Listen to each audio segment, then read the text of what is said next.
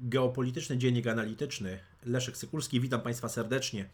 E, dziś e, na Państwa prośbę mój krótki komentarz do afery e, z Pegasusem, z systemem szpiegowskim, z którego korzystało Centralne Biuro Antykorupcyjne, który który subskrybowało tak naprawdę w izraelskiej firmie NSO Group. Moim zdaniem Sytuacja jest absolutnie skandaliczna. Sytuacja obnażyła, sytuacja z Pegasusem obnażyła słabość polskich służb specjalnych. Co więcej, moim zdaniem mamy do czynienia niestety z naruszeniem artykułu 130 e, kodeksu, e, kodeksu karnego i to z naruszeniem przez funkcjonariuszy państwowych, zarówno funkcjonariuszy Centralnego Biura Antykorupcyjnego, jak i e, Agencji Bezpieczeństwa Wewnętrznego. Ja tylko przytoczę brzmienie tego, tego artykułu.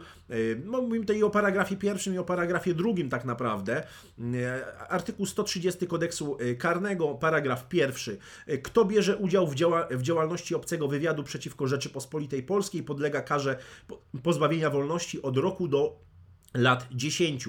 Paragraf drugi. Kto biorąc udział w obcym wywiadzie albo działając na jego rzecz, udziela temu wywiadowi wiadomości, których przekazanie może wyrządzić szkodę Rzeczypospolitej Polskiej, podlega karze pozbawienia wolności na czas nie krótszy od lat 3.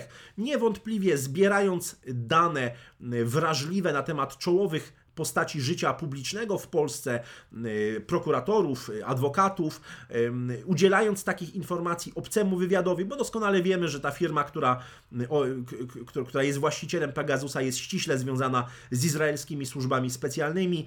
Mamy do czynienia ze złamaniem artykułu 130 i to złamaniem przez funkcjonariuszy, tak jak powiedziałem, CBA i ABW, Departament Kontrwywiadu Agencji Bezpieczeństwa Wewnętrznego wiedział, albo przynajmniej powinien był wiedzieć o tym, że dochodzi dochodzi do przekazywania informacji wrażliwych na temat czołowych postaci życia publicznego firmie, y, gdzie istotną rolę odgrywają funkcjonariusze obcego, y, obcego wywiadu. Nic właściwie w tej sprawie nie zrobiono. Dzisiaj y, Polska jest odcięta od Pegasusa i tak naprawdę nie ma żadnych, żadnego wpływu na informacje zebrane za pomocą tego narzędzia. Y, dysponuje tym, dysponują tym po prostu służby specjalne państwa, państwa Izrael. Ja tylko przypomnę, że Izrael nie jest członkiem Sojuszu Północnoatlantyckiego. Nie ma także podpisanej żadnej dwustronnej umowy między Polską a Izraelem, która byłaby umową jakąś obronną.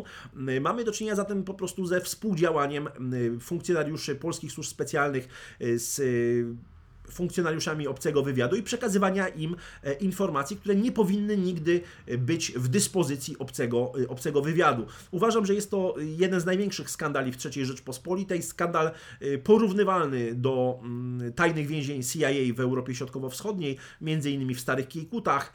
Uważam, że to, że nie wyciągnięto do tej pory żadnych konsekwencji karnych wobec funkcjonariuszy agencji wywiadu, którzy złamali konstytucję stworzyli tego typu ośrodek, ani nie wyciągnięto żadnych konsekwencji wobec funkcjonariuszy z Departamentu Kontrwywiadu ABW, którzy również przymknęli oko na y, tworzenie takiego tajnego więzienia CIA, które, w którym byli torturowani ludzie, y, jest wielkim skandalem, jest wielkim zaniedbaniem i pokazuje słabość państwa polskiego. To, że dzisiaj Stany Zjednoczone są w stanie naciskać na polskiego prezydenta y, w kwestii mm, podpisu bądź, bądź jego braku pod nowelizacją ustawy o radiofonii i telewizji, no pokazuje, jak głęboko tak naprawdę sięgają wpływy amerykańskiego wywiadu, amerykańskich służb specjalnych, e, jak e, wyciągnięcie sprawy z Pegasusem może stać się właśnie elementem nacisku na państwo polskie. Uważam, że brak opcji zero e, w polskich służbach specjalnych był wielkim zaniedbaniem i dzisiaj tak naprawdę, jeżeli nie zaczniemy mówić o weryfikacji cywilnych, tak zwanych cywilnych tajnych służb, Agencji Bezpieczeństwa Wewnętrznego, CBA,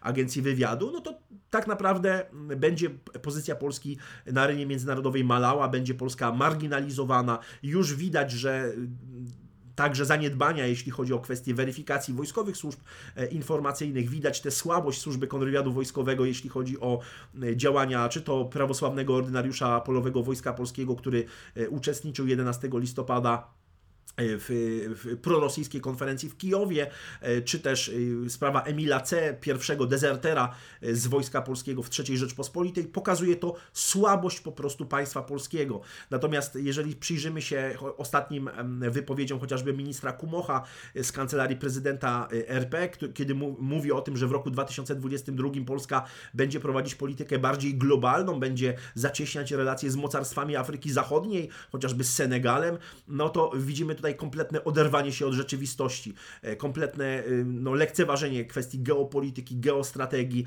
y, lekceważenie kwestii e, weryfikacji służb specjalnych będzie niestety wpływać w sposób niezwykle destrukcyjny na e, siłę, na odporność państwa polskiego.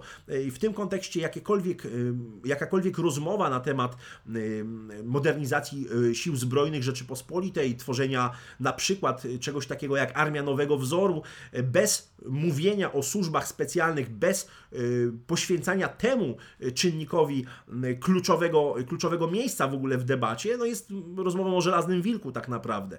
Pytacie mnie Państwo nie tylko mój stosunek do tej kwestii afery z Pegasusem, ale chociażby do e, koncepcji e, Armii Nowego Wzoru, którą prze, przedstawił Pan dr Jacek Bartosiak. E, mówię o tej, tym, osta tym ostatniej prezentacji, blisko 11-godzinnej. Proszę zobaczyć, że na blisko pół tysiąca slajdów nie znajdziecie tam Państwo ani jednego poświęconego wojskowym służbom specjalnym, czy w ogóle tajnym służbom.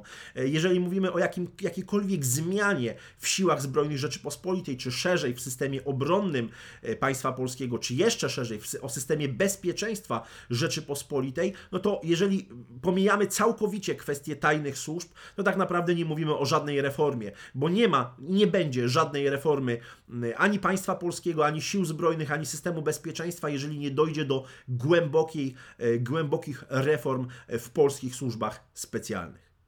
Dziękuję Państwu za uwagę.